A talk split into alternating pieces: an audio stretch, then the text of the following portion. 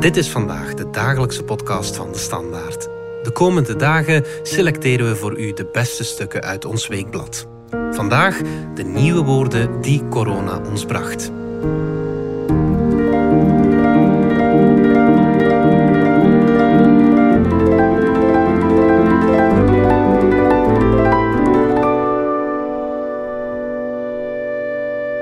Ik ben Sarah van Kerschaver, binnenredactrice bij De Standaard. Begin mei schreef ik een stuk over nieuwe woorden die ontstaan zijn in deze coronatijden. Waarom heb ik een stuk geschreven over taal? Het was zo dat in de New York Times het woord languishing populair werd. En dat ging viraal, dat woord languishing. En het raakte duidelijk een snaar. Namelijk, we weten allemaal dat we ons een beetje pandemie voelen of een beetje miserig. Maar we hadden er geen taal voor. En de Amerikanen hadden dus wel een mooi woord. En ja, dan begon ik toch te denken, daar kunnen wij toch ook wel iets van. En zo zijn we beginnen zoeken. Hoeveel woorden zijn er al over pandemie en pandemie en over corona? Dat bleken er heel veel. En zo kwamen we uit bij een heel lang stuk over corona en taal.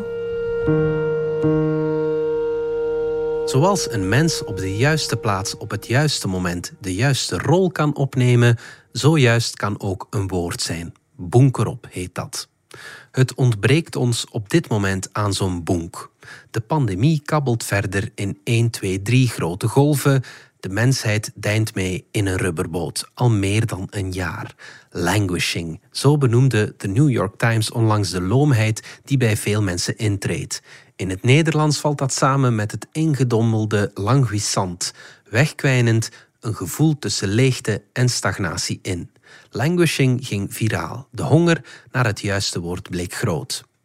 Gek is dat niet. Ons emotionele repertoire is niet bepaald indrukwekkend. Een gevoel is dan ook geen ding, zegt Ludo Permentier, taaljournalist en auteur van de online column Woorden weten alles.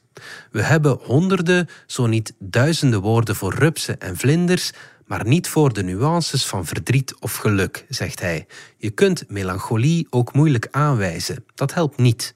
En we hebben bovendien een lange traditie van zwijgen en verder werken. COVID-19 rammelt aan die traditie en ze doet dat stevig. Het afgelopen jaar verloren we geliefden. We verloren onze geur en smaak, bewegingsvrijheid, we moesten inboeten op onze gezondheid, sociale contacten en zelfs inkomen. Veel mensen rouwen en doen dat nog altijd vaak in stilte, omdat ze vinden dat ze niet mogen klagen. Ze leven nog, ze hebben niemand verloren. Het kon allemaal erger. Maar in de tussentijd languishing. Sindsdien loopt de zoektocht naar de juiste Nederlandstalige benaming voor dat pandemieserige gevoel. Op Studio Brussel opperde een luisteraar bois de vivre, naar analogie met levensvreugde of joie de vivre. Lezers van de Standaard deden enthousiast voorstellen na een oproep op onze website met als populairste inzending Pandemie. Zullen al die heerlijk prikkelende suggesties overleven, misschien zelfs gebeiteld worden in vandalen? Ton den Boon is hoofdredacteur van het woordenboek en wil het taalplezier niet temperen, maar hij heeft toch twijfels. We spelen graag en veel met taal, vertelt hij. Of een taalvondst beklijft en blijft, dat hangt af van het feit of ze langere tijd door een grote groep mensen wordt overgenomen. Woorden zoals het bla of mij gevoel zijn te particulier, zegt een boon. Mijn inschatting is dat languishing zelf de meeste kans maakt. Het werd wereldwijd opgepikt, verscheen in verschillende media en het Nederlands neemt vandaag makkelijker leenwoorden over. In dat geval zouden we het als een normaal werkwoord kunnen vervoegen. Ik languish, jij languished, jullie languishen. Ludo Permentier is daar allemaal niet zo zeker van. Ja, we nemen meer Engelse woorden over, maar languishing heeft ook een aantal kenmerken tegen zich. Het is lang, met die ish ziet het er nogal exotisch uit en het lijkt niet bepaald op een woord dat we kennen, dus we weten ook niet meteen wat ermee wordt bedoeld. Als je dan moet uitleggen dat het wijst op een plant die wegkwijnt, wel ja, dan zeg je beter gewoon dat je je voelt als een wegkwijnende plant. Languishing staat in elk geval nog niet in Ton Boons grote corona-woordenboek. Op taalbank.nl En in zijn persoonlijke Excel-bestand houdt de boon alle coronawoorden bij die hij ziet opduiken. Ik zit al aan meer dan 2000 lemma's, zegt hij. Je ziet er mooi de evolutie van de pandemie in weerspiegeld. In het begin doken vooral medische termen op, zoals aerosolinfectie en brononderzoek, omdat het coronavirus in de eerste plaats een ziekte was. Gaandeweg werd COVID-19 een sociaal en maatschappelijk probleem met raambezoeken en anderhalve meteren. En nu we volop werk maken van vaccins, duiken woorden op als vaccinweigeraar of prikvertikker. Veel van die woorden zullen eendagsvliegen blijken. De meeste zullen na de pandemie verdwijnen omdat we ze niet meer kunnen gebruiken, zegt een boon. Denk aan witte jassen samenleving. Dat is een maatschappij waarin artsen sterk op het beleid wegen. Zal dat woord overleven als COVID-19 onder controle is? Maar voor ons mentale welzijn wordt toch gezegd dat die een lange, moeilijke nasleep zal hebben, zelfs in postcoronale tijden. De Boon zegt ja, maar psychische problemen zijn niet nieuw. Corona verhevigt dat probleem, maar het is niet inherent aan het virus. De breinmist daar gelaten. Nee, dat is een medische term. Elk jaar ontstaan een pak nieuwe woorden, maar door de pandemie valt die hoeveelheid duidelijker op omdat de taalcreativiteit ditmaal nogal eenzijdig coronaal of coronair is. Het viel ook Joke Sonjo, 26, uit Dendermonde op toen ze struikelde over knaldrang en huidhonger. Ze begon met de podcast Woordigheden. We hebben helemaal niet zoveel woorden om gevoelens uit te drukken en daar wilde ik iets rond doen. Niet elk woord in de podcast is corona gerelateerd, maar in de derde aflevering wil ik het bijvoorbeeld hebben over libidoof. We denken dat al dat thuiswerk geweldig is voor ons seksleven, maar dan blijkt uit onderzoek van de KU Leuven net het tegenovergestelde. Mensen zijn uitgeblust en dus dooft ook hun seksuele verlangen uit. Sonjo pikt de woorden overal op, online, maar evengoed in haar eigen omgeving.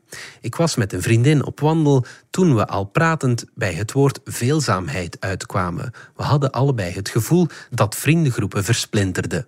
Door de coronamaatregelen moesten we opsplitsen en werden sommige vrienden hechter met elkaar dan anderen.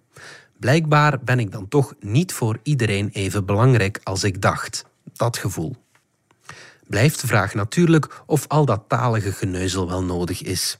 Ook zonder de benaming treurig blijft het gevoel van treurnis treurig. Daar ben ik het niet mee eens, zegt de psycholoog Manu Keirse, gespecialiseerd in rouwverwerking. Als ik mensen met verdriet hoor zeggen: hier heb ik geen woorden voor, dan spreekt daar ook ontgoocheling uit. Want we hebben taal nodig om contact te leggen en om elkaar te begrijpen.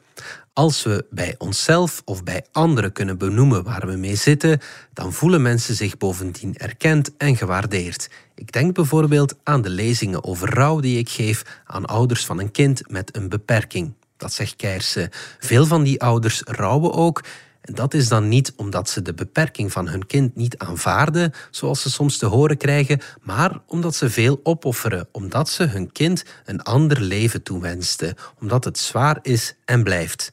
Ik noem dat leven met een levend verlies. Je wil niet weten hoeveel mensen in de zaal al zaten te huilen bij die woorden. Dat is wat taal doet: een mens erkennen in zijn of haar specifieke emotionaliteit.